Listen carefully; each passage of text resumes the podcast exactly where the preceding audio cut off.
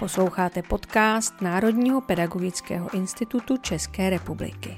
Naším cílem je, aby se děti těšily do školy a učitelé měli tu nejlepší práci na světě. Psychologická podpora ředitelům škol. Díl první.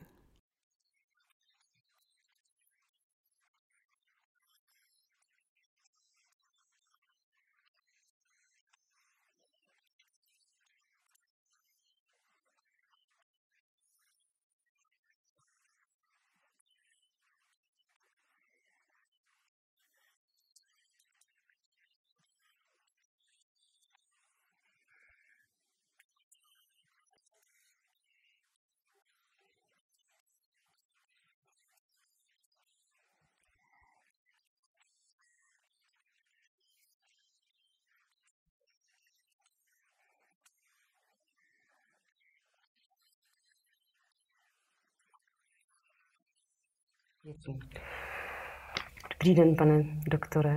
Dobrý den, děkuji za pozvání.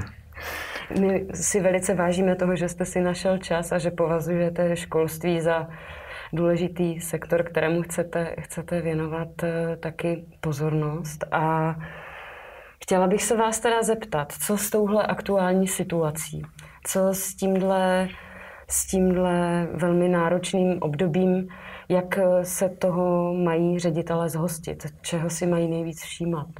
Jak mají situaci řešit? Tak pokud mluvíme o těch psychických nárocích, která ta situace přináší, mm-hmm.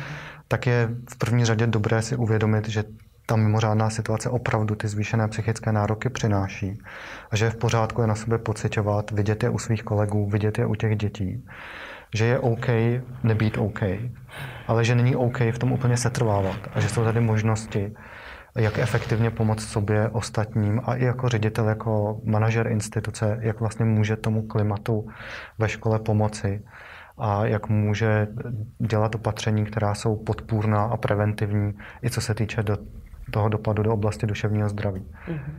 A jak je teda může dělat? Čeho si má eh, všímat hlavně a především třeba na svých zaměstnancích?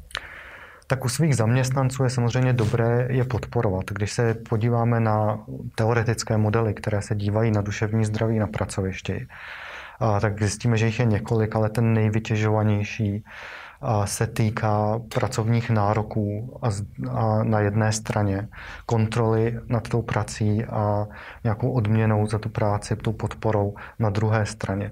A v tomhle se pohybujeme všichni. A ta situace ohledně pandemie, kdy se vlastně pro všechny lidi nějakým způsobem změnilo zaměstnání, ta povaha, způsob, jakým ho vykonáváme a tak dál, tak je samozřejmě vidět ve školách daleko více, protože najednou to, co, na co byli učitelé zvyklí, a to, že přijdou do třídy, mají tam ty žáky, mají tam ten kontakt, okamžitě vidí, jak na tom ty žáci jsou, a okamžitě je tam ten feedback od nich, a tak se vlastně jako změnilo. A změnilo se to dost dramaticky. A mění se i podmínky, vlastně, ve kterých fungujeme, co se týče nějakého celonárodního rámce. Můžeme mluvit o tom, jak se mění maturity, jak se mění zkoušení, jak se mění vůbec školní rok a tak dále. Takže to jsou nějaké zvýšené nároky. A když se podíváme na tu rovnici těch, těch kde ty nároky jsou na jedné straně, tak vidíme, že co se týče nároků, tak tam došlo k ohromnému navýšení.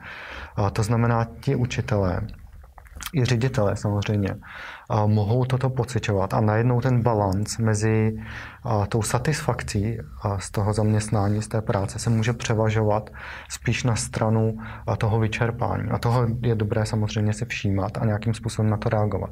Jakým způsobem na to reagovat? Co, co když vidím, že jsem na pokraji sil, e, že už e, mi jde hlava kolem, nevím, co mám dělat, mám horší náladu, třeba špatně spím dokonce. Jo, tak to jsou asi dvě roviny. Jedna je taková institucionální, co mohu mhm. dělat jako manažer. Co mohu dělat jako té, manažer? Té ano. organizace. A ta druhá je individuální, co mohu dělat já sám pro sebe. Uh-huh. Samozřejmě ty roviny jsou obě těsně propojeny. A když nebudu já OK, tak asi budu i hůře manažovat tu instituci, takže je dobré určitě začít sám od sebe. Ale když začneme tou institucí, tak jak jsem říkal, na té druhé straně je nějaká podpora, kontrola nad tou prací, a nějaká odměna. A to znamená, je dobré nastavit tu výuku tak, aby ti učitelé měli i tu pozitivní zpětnou vazbu, aby jim bylo poděkováno za tu práci, kterou dělají, aby tam byla vyvážena ta negativní a pozitivní stránka. To znamená, můžeme si třeba vyhradit čas na to, že nemluvíme jenom o těch negativech, že Pepíček nedodal úkol a tak dále, ale i třeba o těch pozitivech, co se povedlo, kdo udělal hezký úkol a tak dále, aby to bylo vyvážené. Samozřejmě je nutná nějaká administrativní podpora, technická podpora, aby ti lidé byli schopni fungovat na tom online a tak dále. Ale to si myslím, že už je docela dobře zvládnuto, tak jak mám zpětnou vazbu ze škol a školských institucí. Ale co možná ještě není úplně dobře ošetřeno, je právě ta individuální rovina. Ta podpora těm lidem, jak manažovat stres, jak se starat efektivně sám o sebe, jak budovat nějakou svoji psychologickou resilienci. A tam si myslím, že jsou ještě rezervy a dovedl bych si představit, že ředitele jako manažeři těch institucí vyhradí speciální čas a prostor pro to, abychom tady tu oblast nějakým způsobem ošetřili. Mm-hmm. Takže je to určitá jednak gramotnost duševního zdraví, umět se orientovat sám v sobě, ve svých pocitech a kde jsem a zároveň umět to poznat i jako manažer na těch druhých a zhodnotit, v jakém jsou stavu a jak s nimi mohu dál pracovat? Jaký je tady ten Přesně tak, to je ta stres? všímavost uh-huh, k tomu, jak na tom jsem já a jak na tom je ta organizace, kterou vedu a ti lidé, kteří v té organizaci jsou. A druhá strana je ta podpora, konkrétní podpora duševního zdraví. A tam bychom si to mohli rozdělit na nějaké dvě části. Uh-huh. A tou první je zase nějaká všímavost, monitoring, jak na tom já jsem. A ten nám může pomoct um, mnoho materiálů, které jsou dostupné. My jsme vytvořili takové stránky, které se jmenují opatruj.se. Tam je několik testů na psychický well-being, na psychickou pohodu na úzkosti, na deprese, na konzumaci alkoholu, jiných návykových látek. Tam se můžeme otestovat, to nám pomůže v tom vidět, kde se doopravdy nacházíme. Můžeme si také všímat cíleně některých symptomů, které víme, že souvisí s duševním zdravím, s psychickou pohodou. Jaká je naše kvalita spánku, jak jsme podráždění, jak jsme na tom emočně, a jak se cítíme energicky, jestli jsme spíš vyčerpaní nebo, nebo tu energii máme. To jsou všechno nějaké ukazatele, které můžeme sledovat. A je dobré si tomu ten čas nějakým způsobem vyhradit a opravdu si říct, jak se mám doopravdy, jak se ve skutečnosti mám, jak na tom jsem. Mm. To je nějaká všímavost. A ta samozřejmě může být takhle u sebe, ale může být i směrem k tomu učitelskému sboru. A... Jak, jak v online světě si všímat toho, že druzí nejsou na tom třeba nejlépe psychicky? Taky v tom online světě vidíme toho druhého přes monitor, vidíme, jakou práci dělá, vidíme, jak na tom je. Takže a když toho člověka známe, tak si určitě můžeme všimnout, mm-hmm. že třeba není ve své kůži úplně. Nebo že dlouhodobě u ní nevidíme dobrou náladu nebo nějaký entuziasmus, který jsme u něj viděli předtím. A to znamená, to je určitě možné si toho, si toho všímat.